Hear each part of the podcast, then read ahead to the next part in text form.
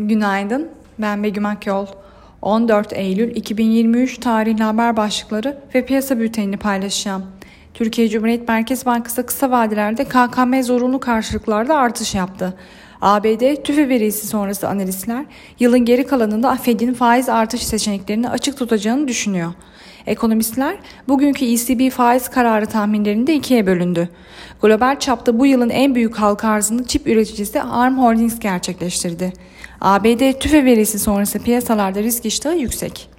Piyasalara genel olarak bakacak olursak pay piyasalarında Seçim sonrası dönemde önemli bir düzeltme gerçekleştirmeden %80'e yakın yükseliş kaydeden BIST'te zaman zaman kar realizasyonu yaşanmasının beklentiler dahilinde olduğunu düşünüyoruz. Ancak orta vade için yüksek enflasyon ve negatif reel faiz politikası sürdükçe yerli yatırımcı ilgisinin ortodoks politikalara geçiş ve normalleşme sürdükçe yabancı yatırımcı ilgisinin sürmesini bekleriz. Ayrıca kısa vadede Mehmet Şimşek'in 19 Eylül'de ABD'de yabancı yatırımcılarla yapacağı görüşme endeksteki yükseliş için motivasyon kaynağı olmaya devam edebilir.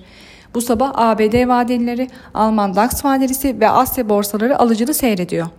Teknik analiz verilerine bakacak olursak kısa vadede 7750 altına gerileme alım fırsatı, gün içinde 8180 üzerine tepki yükselişi ise satış fırsatı olarak izlenebilir.